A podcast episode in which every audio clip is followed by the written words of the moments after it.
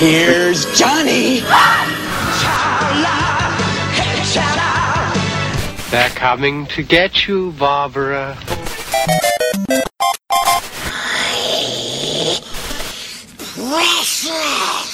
Expecto Patronum! Look at me, Damien. Yippee-ki-yay, motherfucker. eherbata.pl Gonna be legend. Wait for it. It's a trap! Dairy. Legendary. Żarłok i Skóra i Mando, Jerry, Szymas. oraz nasi goście. Konglomerat podcastowy. Wasze ulubione podcasty w jednym miejscu. Zapraszamy. Zapraszamy. Zapraszamy. Zapraszamy.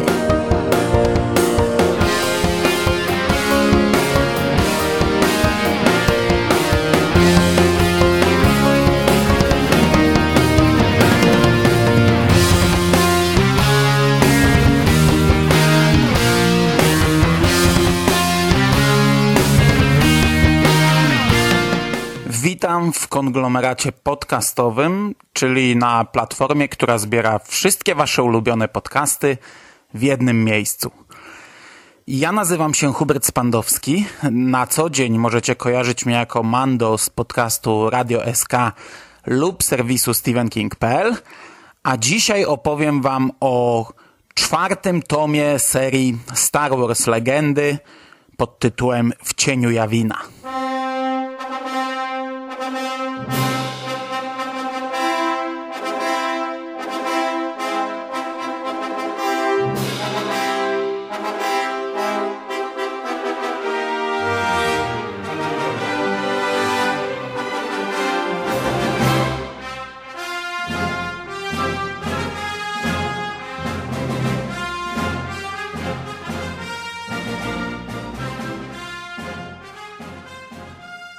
I na początek dwa zdania o samej serii.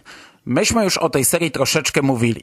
Ja przed rokiem, jakoś pod koniec wakacji, na przełomie sierpnia-września, nagrałem podcast o pierwszym tomie tej kolekcji, wtedy jeszcze do kombinatu.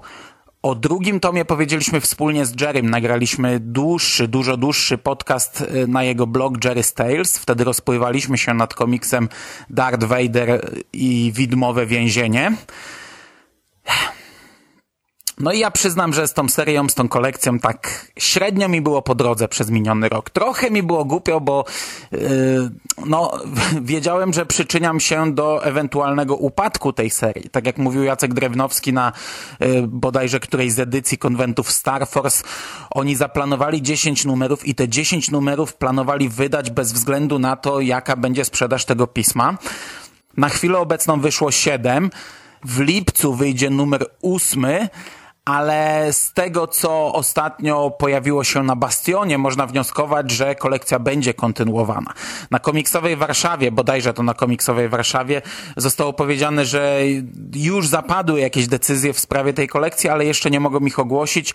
Teraz w, widzimy w newsach kilka kolejnych zapowiedzi, już po dziesiątym numerze, przy czym nie są to żadne oficjalne zapowiedzi. No to pojawiło się na Bastionie polskich fanów Star Wars, a sam Egmont, albo profil e, Star Wars Comics jeszcze w tej sprawie nic oficjalnie nie opublikował. No, mi było troszeczkę nie po drodze. Jakoś tak nie wiem, czy straciłem trochę zapał do starego kanonu, czy nie mam pojęcia. Jeszcze niedawno kupowałem wszystko, co tylko wychodzi. W tej chwili wyszło 7 numerów, ja mam 4. Przeczytałem z tego na razie 3, z czego jeden przed chwilą. Nie ciągnie mnie aż tak do przedruków, chociaż pewnie chciałbym je mieć w wersji takiej albumowej na półce, a nie gdzieś tam w pudle pochowane w zeszytówkach. Nie ciągnie mnie aż tak do starych tytułów, bo jakoś tak, nie wiem, no straciłem do tego zapał. Ciągnie mnie do serii, a w, akurat w przypadku tej kolekcji trochę nie podoba mi się, jak wydawane są serie. Właśnie dzisiejszy numer, który mam zamiar omówić, jest pierwszym tomem dłuższej serii. I to jest niepełna historia. No nie, no po prostu bardziej podobało mi się, jak Egmont e, podchodził do tych wydań rozprowadzanych w księgarni, a nie w kiosku e, jeszcze kilka lat temu, gdy były wydawane Mroczne Czasy, gdy było wydawane Dziedzictwo czy Rycerze Starej Republiki. Kiedy też te serie przeplatały się ze sobą, nie były wydawane jedna po drugiej, ale jednak mieliśmy w planach e, całość a nie taki rzucony jeden numer i nie wiadomo co dalej, nie wiadomo czy w ogóle będzie dalej taki numer potraktowany jako, e, jako osobny album. Bo tak naprawdę to, co znajdziemy w czwartym tomie kolekcji Legendy Star Wars, to jest pierwszy tom serii Star Wars. Tak, ja wiem, że tych serii Star Wars było kilka, dokładnie były trzy.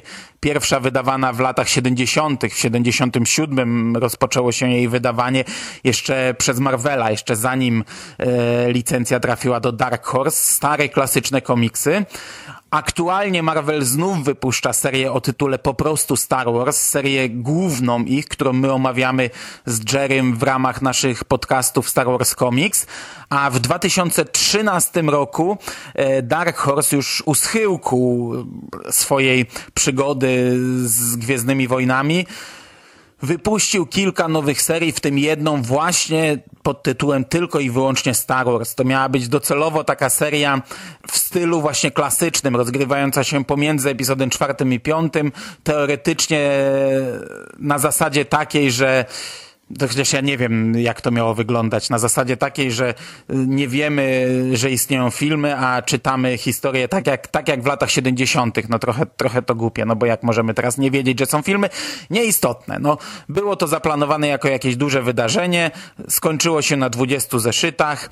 Cała licencja przeszła z powrotem do Marvela te komiksy nie miały jakichś pozytywnych opinii wśród fanów, one, one były dość raczej krytykowane, ale ja mimo wszystko cieszyłem się, że to znalazło się e, w tych legendach. No jeśli nie inaczej, no to chociaż w taki sposób możemy się z tym zapoznać, bo ja mam ochotę mimo wszystko przeczytać te nowsze e, serie z XXI wieku, nawet z drugiej dekady XXI wieku, e, chociaż one nie miały zbyt dobrych opinii. Natomiast sam podtytuł W cieniu Jawina to jest po prostu podtytuł pierwszego tomu. Nie mamy tutaj do czynienia z czymś takim jak w pierwszym tomie Cienie Imperium, czy w drugim Darth Vader i Widmowe Więzienie. To nie jest zamknięta historia, to jest część większej całości. Scenariusz do tej serii pisał Brian Wood. To jest facet, którego polski czytelnik może znać e, z komiksu DMZ którego pierwszy tom został wydany w 2008 w Polsce. Pierwszy tom miał tytuł W strefie. To była postapokaliptyczna seria e, oryginalnie wydawana przez Vertigo. Najwyraźniej się nie sprzedała, może takie czasy. Ja kupiłem to za 5 zł w taniej książce kilka lat temu. Rysunki przynajmniej do e, całej pierwszej, większej części, bo ten tom składa się z dwóch komiksów. Rysunki do pierwszej części zrobił Carlos Danda. I to jest facet, który ilustrował między innymi serię komiksową Batman Arkham City, bądź też serię Dead Blow. I o czym jest ten komiks? Jego akcja rozgrywa się pomiędzy czwartym a piątym epizodem. Po zniszczeniu Gwiazdy Śmierci, po zniszczeniu Alderanu i mamy z punktu widzenia takiego czytelnika jak ja, który przeczytał to w tej chwili, mamy powtórkę z rozrywki z tego, co robi teraz Marvel, ale to Marvel powtarza to, co już zostało powiedziane wielokrotnie przez Dark Horse, bo mamy znów rebeliantów szukających nowej bazy, ponieważ ich dotychczasowa baza na Jawinie została spalona. Mamy znów e, imperatora wkurzonego na Wejdera. Mamy znów Leję rozpaczającą po wysadzeniu Alderanu. E, Luka miotającego się kim on jest, próbującego połączyć się z Benem i tak dalej. E, Hanna Solo w swojej oklepanej, standardowej roli kłócącego się wiecznie z czułym i wpadającego gdzieś tam w środek jakiejś kabały pełno wybuchów, strzelania. Dodatkowo tradycyjnie pojawia się Boba Fett, który go ściga.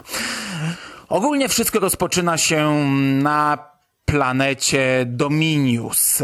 Luke, Wedge i Leia lecą w poszukiwaniu nowej bazy. Nagle z nadprzestrzeni wyskakuje imperialny niszczyciel, z niego od razu wyskakują myśliwce Tai, zaczyna się strzelanka, Leia prawie ginie, spadają na planetę, e, a potem z niej uciekają. No i okazuje się, że rebelia podejrzewa, że mają gdzieś e, Kreta w swoich mm, szeregach. No, ponieważ e, Imperium zbyt dobrze wie, gdzie e, rebelia szuka nowych baz, zbyt szybko atakują, jest to zbyt zorganizowane, e, by był to przypadek. Także Mon Mothma podejrzewa, że gdzieś w ich szeregach jest szpieg i powołuje tak zwaną Radę Cieni, czyli powierza Lei misję, o której sama również nie chce wiedzieć. Leia ma e, zejść z radarów i w cieniu powołać drużynę, która również zostanie wyłączona z wszystkich innych zadań.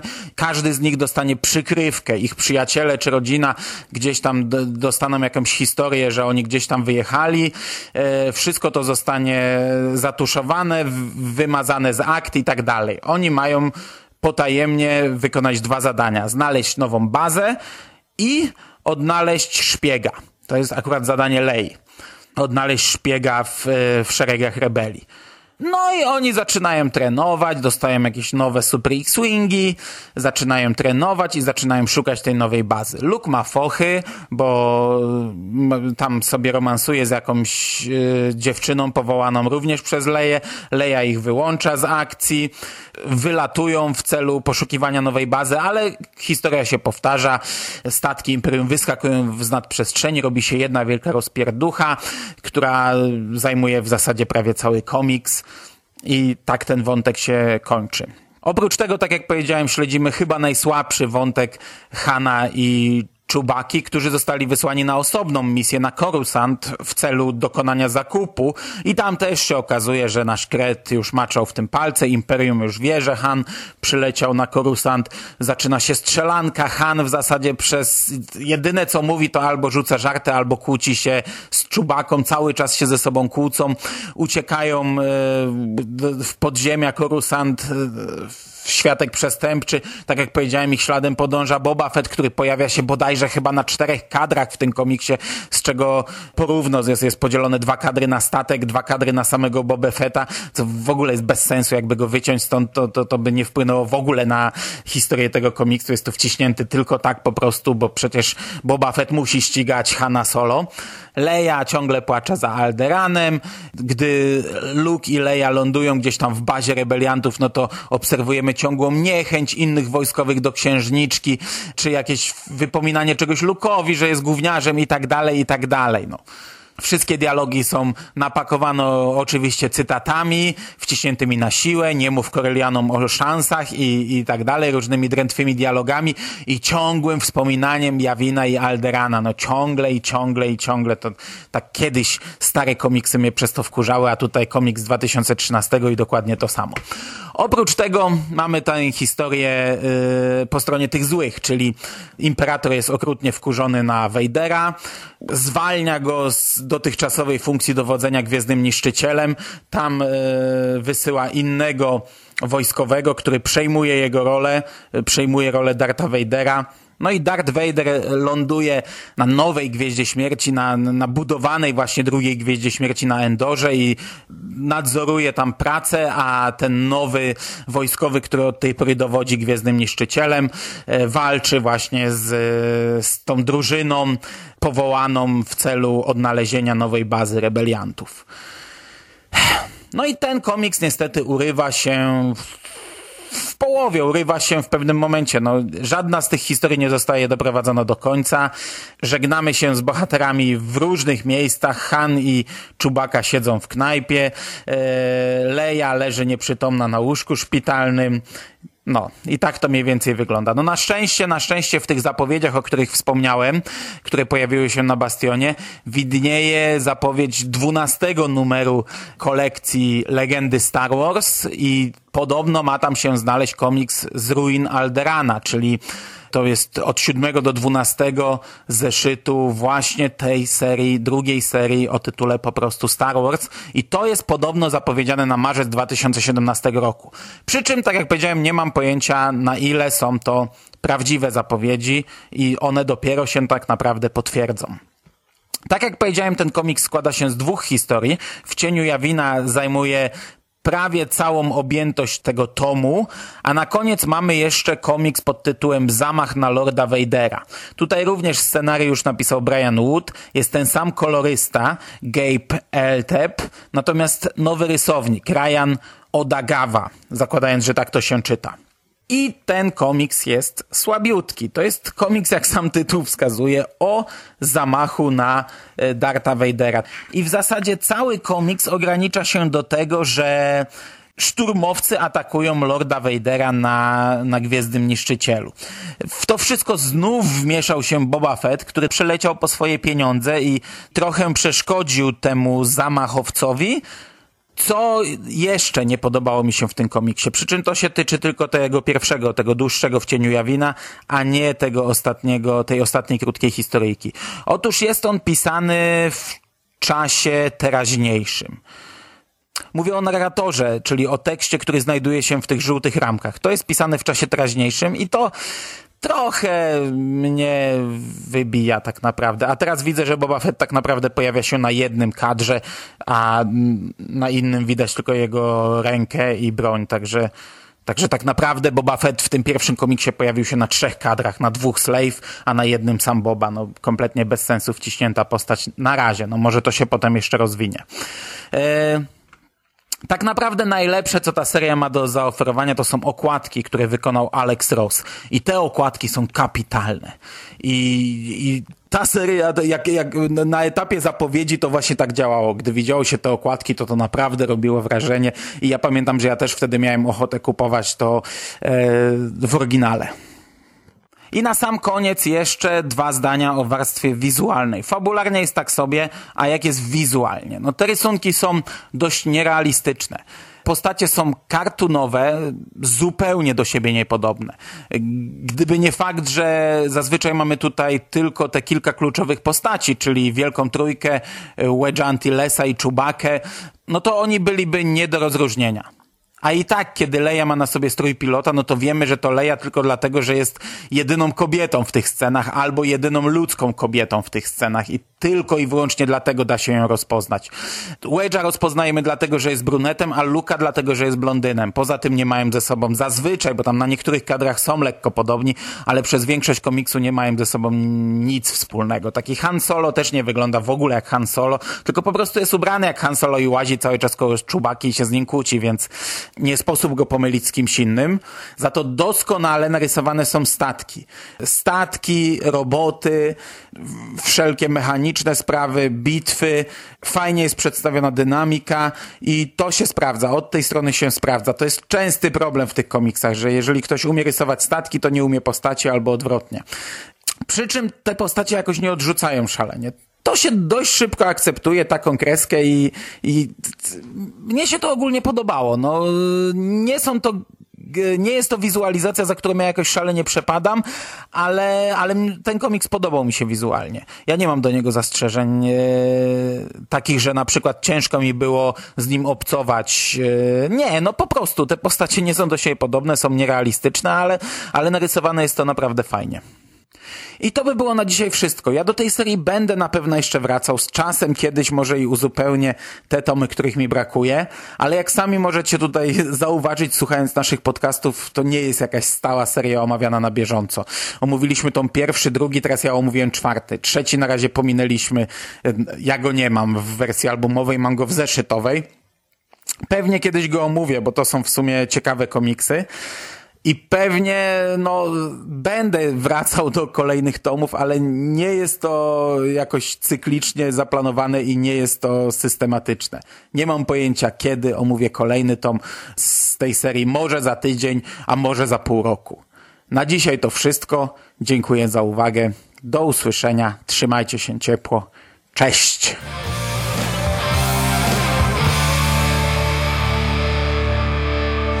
finished?